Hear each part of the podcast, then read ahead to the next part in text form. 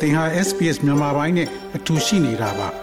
sbs.com.au/burmese မှာပုံမထူးခဲ့တဲ့သတင်းစာမားတွေကိုရှားဖွေပါ SBS မြန်မာပိုင်းကို အင်ကာနဲ့စနေနေ့ည10:00နာရီမှနားဆင်နိုင်တယ်လို့အွန်လိုင်းကနေလည်းအချိန်မီနားဆင်နိုင်ပါပြီ။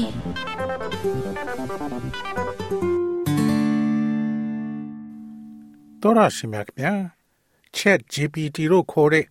ဉာဏ်ရည်တုနည်းပညာအသစ်ဟာကိုယ်ရေးကိုယ်တာနဲ့ Digital ကျင့်ဝတ်ဆိုင်ရာရင်းခုန်ဆွေးနွေးမှုများကိုလှုံ့ဆော်ပေးနေပါတယ်။အီတလီသည်နည်းပညာသစ်ကိုတားမြစ်ပိတ်ပင်သည့်ပထမဆုံးသောနောက်နိုင်ငံဖြစ်လာတော့လဲတခြားသူများက Chat GPT ကို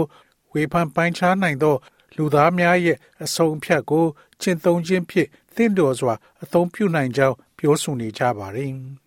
ဒါပေမဲ့ဒီ software အသစ်ကဘာလဲသူ့ရဲ့အသုံးပြုမှုအတွက်စိတ်ပူသင့်ပါသလားဆိုတာကို ကြည့်ရှုမှာဖြစ်ပါတယ်။ software ကို Microsoft ကြောထောက်နောက်ခံပြု company ဖြစ်တဲ့ OpenAI မှဖန်တီးထားခြင်းဖြစ်ပြီး ChatGPT သည်ညွှန်ကြားချက်ကိုလိုက်နာရန်လေ့ကျင့်ထားပြီးအသေးစိတ်တုံ့ပြန်မှုပေးသည့်အတိတ်ပဲရှင်းလင်းသည်ဟု ဖော်ပြထားသည့် software ကိုဖန်တီးထားတာဖြစ်တယ်လို့ဆိုပါတယ်။ Professor Timothy Miller သည် University of Melbourne မှဉာဏ်ရည်တုပညာရှင်တူဖြစ်ပါတယ်။ program သည်စာသားအခြေပြုတုံ့ပြန်မှုများကိုဖန်တီးရန်အခြေစားဘာသာစကားပုံစံများကိုမြည်သို့အသုံးပြုကြောင်းရှင်းပြပါတယ် All that large language models really do uh, at a high level is they sort of have relationships about what words uh, occur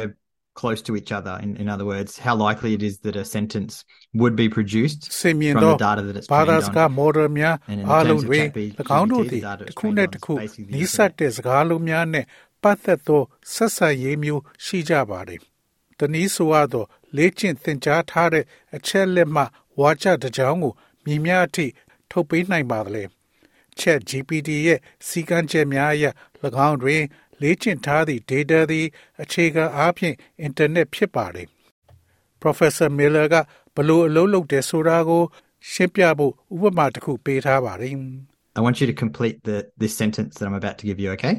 Okay. Uh, the woman ran up the hill. very good, right? Hill. Um, so when you said that there, that hill was probably the first that came to mind, and there's probably a few words that other people might choose. Um, s- stairs, for example, might be another one. Uh, but mostly you're going to choose words like hill, stairs, things that people run up. Um, you're not really likely to say um, the woman ran up the banana. That just that doesn't make sense. It doesn't occur on the internet ကျွန် very တော် often. ပေးမဲ့ဒီ And so စာကြောင်း effectively ကို models like သင်ကို ChatGPT are doing ပြီးအောင် exactly လုပ်စေ that. ခြင်း They're နဲ့ဟုတ် trying to လား figure out ကောင်းပြီ Give မိ me- မက give me a sequence တက် of ပြေးလာ words. တာလား What's the next တောင်ကုန်း word that အရန်ကောင်းတယ်ဟုတ် the average တောင်ကုန်း internet might ဒါ say? ကြောင့်တောင်ကုန်းဆိုတာ The internet စိတ်ထဲမှာပထမဆုံး ဖြစ်ကောင်းဖြစ်နိုင်သလိုတခြားသူတွေရွေးချယ်ရမယ့်စကားလုံးတချို့လည်းရှိကောင်းရှိနိုင်ပါတယ်လေကားများသည့်တခြားတစ်ခုလည်းဖြစ်နိုင်ပါတယ်ဒါပေမဲ့အများအားဖြင့်သင်ကတောင်တွေလေကားတွေလူတွေတက်ပြေးတဲ့စကားလုံးတွေကိုရွေးတတ်ကြတယ်မိမကငှပြောသီးကိုပြေးတက်တယ်အဲ့ဒါကအတိတ်ပဲမရှိဘူးအင်တာနက်မှာမကြာခဏဖြစ်လိဖြစ်တာမရှိဘူးဒါကြောင့်ထိထိရောက်ရောက် Chat GPT လိုမျိုး model တွေက အဲ့ဒါကိုအတိအကျလုပ်ဖို့စူးစမ်းနေကြတယ်သူတို့စကားလုံးတွေအတွဲလိုက်လိုက်ရှာတယ်အင်တာနက်အားလုံးကို ပေါင်းထားရင်အခြေခံအားဖြင့်အင်တာနက်ဖြတ်မြတ်အားဖြင့်ပြောနိုင်တဲ့နောက်စကားလုံးကဘာပါလဲ software ကို email များကိုလျင်မြန်စွာ အကြောင်းပြန်ရန်ကိုယ့်ရဲ့ရာဇဝင်များသို့မဟုတ်ရှေ့တရားသော စာသားများကိုအချင်းချုပ်ရန်အပါအဝင် တခြားပုံစံများဖြင့် software ကို အသုံးပြုတဲ့ရှိပါတယ်။ သို့သော OpenAI သည် လူများရဲ့ data ကိုသိမ်းဆည်းထားသည့်နေရာ သို့မဟုတ်၎င်းကို အသုံးပြုနေပုံနှင့်ပတ်သက်လို့အချက်အလက်များကို မဖော်ပြထားသောကြောင့်ကိုယ်ရေးကိုယ်တာနှင့်ပတ်သက်၍စိုးရိမ်မှုများရှိနေကြပါတယ်။အီတလီရဲ့လွတ်လပ်သော ကိုယ်ရေးကိုယ်တာထိန်းချောင်းသူဒရန်တေးကကမ္ပဏီသည်သုံးဆွဲသူများရဲ့အသက်ကိုစစ်ဆေးရန်ပြက်ခွက်ခဲ့ကြောင်းဆွဆွဲခဲ့ပါတယ်။ chatbot ကို လေ့ကျင့်ရန်ကိုယ်ရေးကိုယ်တာအချက်လက်အများအပြားစုဆောင်းခြင်းနဲ့သိမ်းဆည်းထားခြင်းအားမျှတစေတဲ့တရားဥပဒေဆိုင်ရာအခြေခံမရှိခြင်းကိုလည်းဝေဖန်နေကြပါတယ်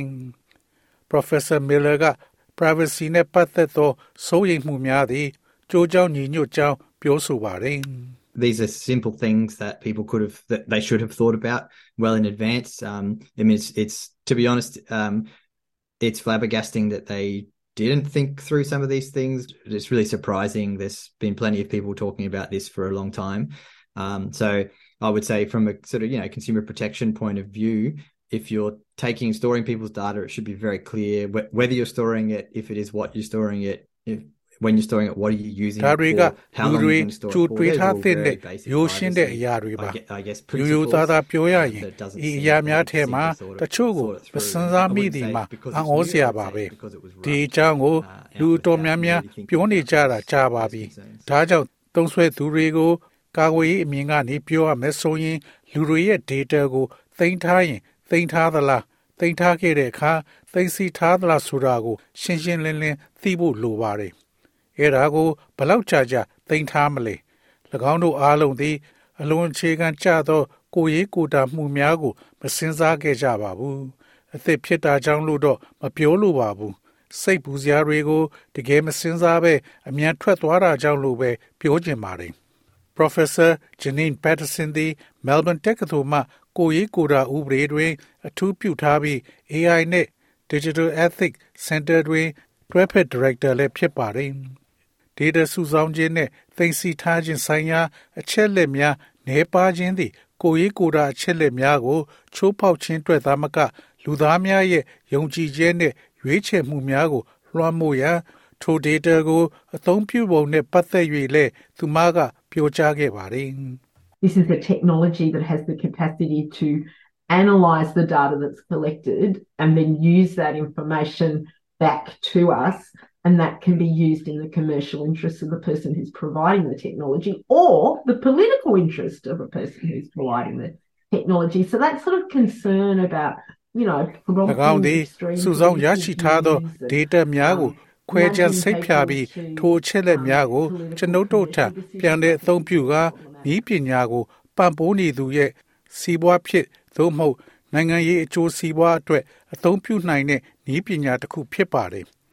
ဒါကြောင့်အလွန်မင်းနိုင်ငံရေးအမြင်တွေကိုလှုံ့ဆော်ပေးပြီးလူတွေကိုနိုင်ငံရေးအရာစီးပွားရေးဆိုင်ရာဆုံးဖြတ်ချက်တွေစီတွန်းပို့တာဟာတကယ်ကိုပြဿနာဖြစ်တယ်လို့ကျွန်မထင်ပါတယ်။ Professor Patterson ကလှုပ်ဝက်ရေးဥပဒေသည် ပြောင်းလဲနေသောဤပညာကို အမိလိုက်နိုင်ရန်ဒီဇိုင်းထုတ်ဖို့လိုအပ်တယ်လို့ဆိုပါတယ်။သို့သောကျွန်ုပ်တို့သည် လူတူတစ်ယောက်ရဲ့အတွင်းရေးနဲ့ ဤပညာနှင့်ကျွန်ုပ်တို့ရဲ့ဆက်ဆံရေးကိုပြန်လည်မြင်အောင်ရန်လိုအပ်တယ်လို့သူမကပြောဆိုပါတယ်။ Generally, what we have at the moment is in the Privacy Act is what we call principles based regulation. The Privacy Act is a set of principles and it's been deliberately designed that way so that we can respond to changing technology.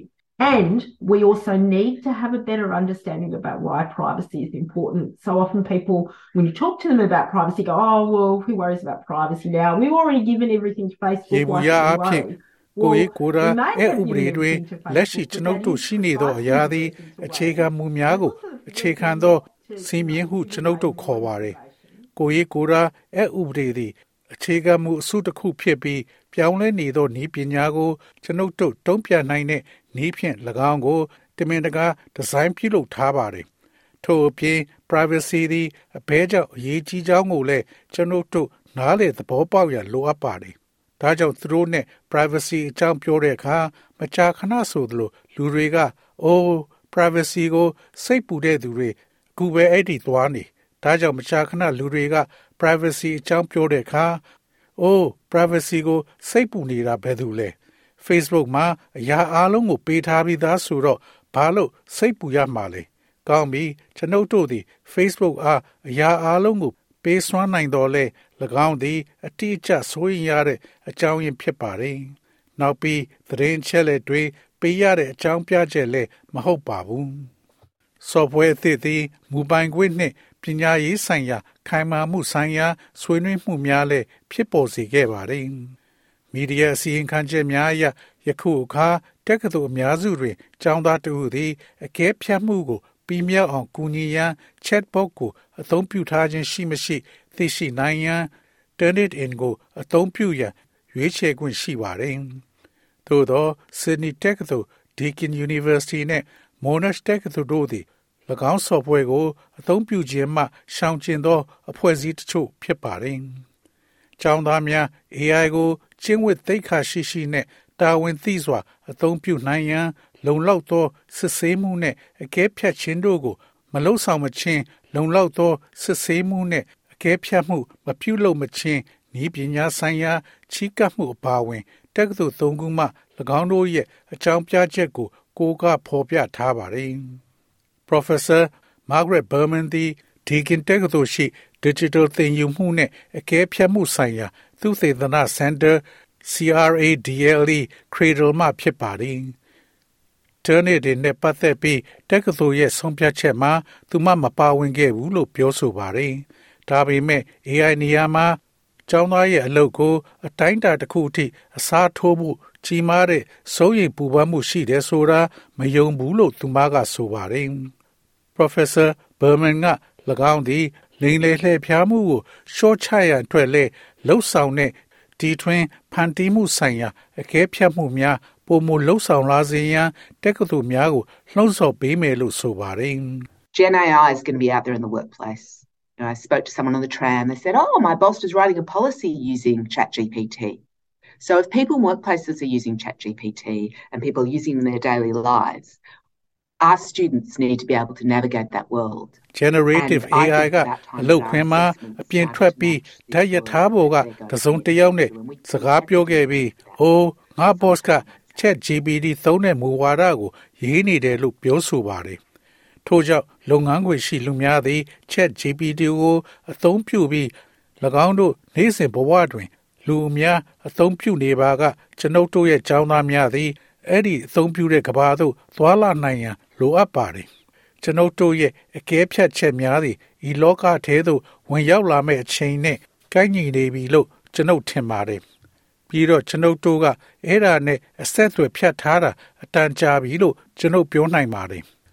Professor Berman က generative AI သည်ဝေဖန်ပိုင်းခြား၍အကဲဖြတ်ခြင်းထက်စံတုံးပြမှုကို ပေးတယ်လို့အခိုင်အမာပြောဆိုပါတယ်။ software သည် Microsoft Word ကဲ့သို့သောပညာရေးဆိုင်ရာကိရိယာများတွင်ထည့်သွင်းထားနိုင်ပွဲရှိသောကြောင့်၎င်းသည်ကျောင်းသားများအားဝေဖန်ပိုင်းခြားနိုင်သော တွေးခေါ်မှုစွမ်းရည်အသစ်နှင့်သက်ဆိုင်သောနည်းဖြင့်သုံးချရန်အခွင့်အလမ်းများပေးမယ်လို့သူမကပြောဆိုပါတယ်။ So within this framework,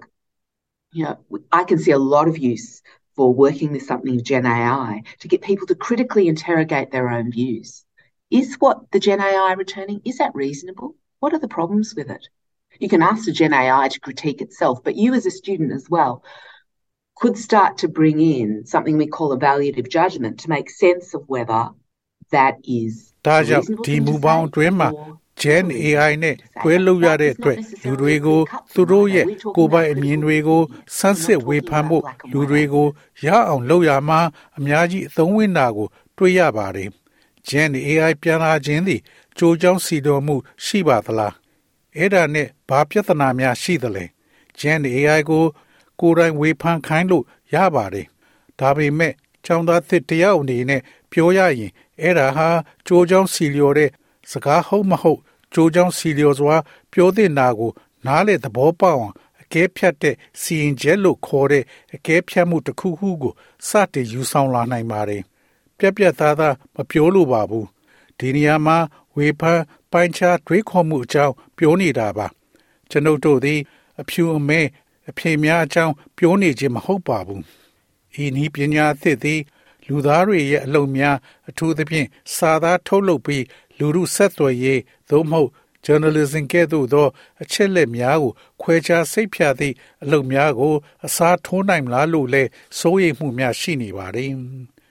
Chat GPT သည်လူအခန်းကဏ္ဍကိုလုံလုံလျားလျားအစားထိုးရမှာဖြစ်နိုင်ကြောင်း Professor Miller ကအခိုင်အမာပြောဆိုပါတယ်။သို့သောအလောက်ကိုင်းနယ်ပေကို ပြောင်းလဲခြင်းသာဖြစ်နိုင်မယ်လို့ဆိုပါတယ်။ဤပညာသည် လူသားများသာလှုပ်ဆောင်နိုင်သော ဆုံးဖြတ်ချက်ချခြင်းနှင့်တခြားသောအကဲဖြတ်ခြင်းဆိုင်ရာအရေးအသွေးများတွင် အကန့်အသတ်ရှိသော စွမ်းရည်ရှိကြောင်း၎င်းကပြောဆိုပါတယ်။ software ရဲ့တိကျမှုနဲ့ပတ်သက်လို့လည်းစိုးရိမ်မှုများရှိကြောင်း၎င်းကထပ်လောင်းပြောဆိုပါတယ် Professor Miller က AI စနစ်သည် internet ပေါ်တွင် ပေးထားသောစကားလုံးများသည်တစ်ခုနှင့်တစ်ခုဆက်ဆက်နေသောကြောင့်မစီမဆိုင်သို့မဟုတ်မှားယွင်းသောအချက်လက်များကိုမိတို့ထုတ်ဖော်မည်ကိုဖော်ပြရန်အတွက်ရောင်မှားခြင်းဟူသောဝေါ်ဟာရကို အသုံးပြုခဲ့ကြောင်းပမောက္ခမီလာကပြောဆိုပါတယ်။သို့သော ပမောက္ခပက်တဆင်ကဝေဖန်ပိုင်းကြား၍အသုံးချသောအခါတွင် ထိုကဲ့သို့သော AI နည်းပညာအတွက်အကျိုးကျေးဇူးများရှိကြောင်းပြောဆိုပါတယ်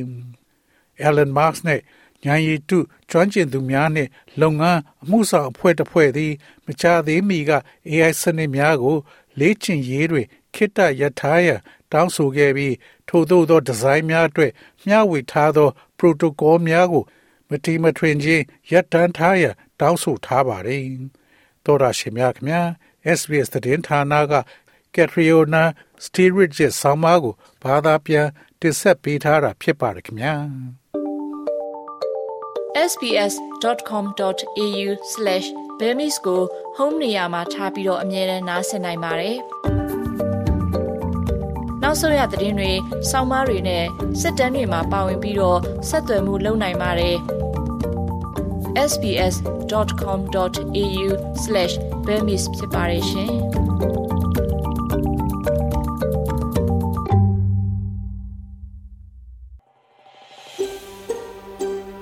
ဒါမျိုးသတင်းဆောင်မတွေကိုပိုနားဆင်လိုပါလား Apple Podcast Google Podcast Spotify တို့မှာသင်ပင်ရာဖြစ်ဖြစ်ရယူတဲ့ podcast ကနေပါ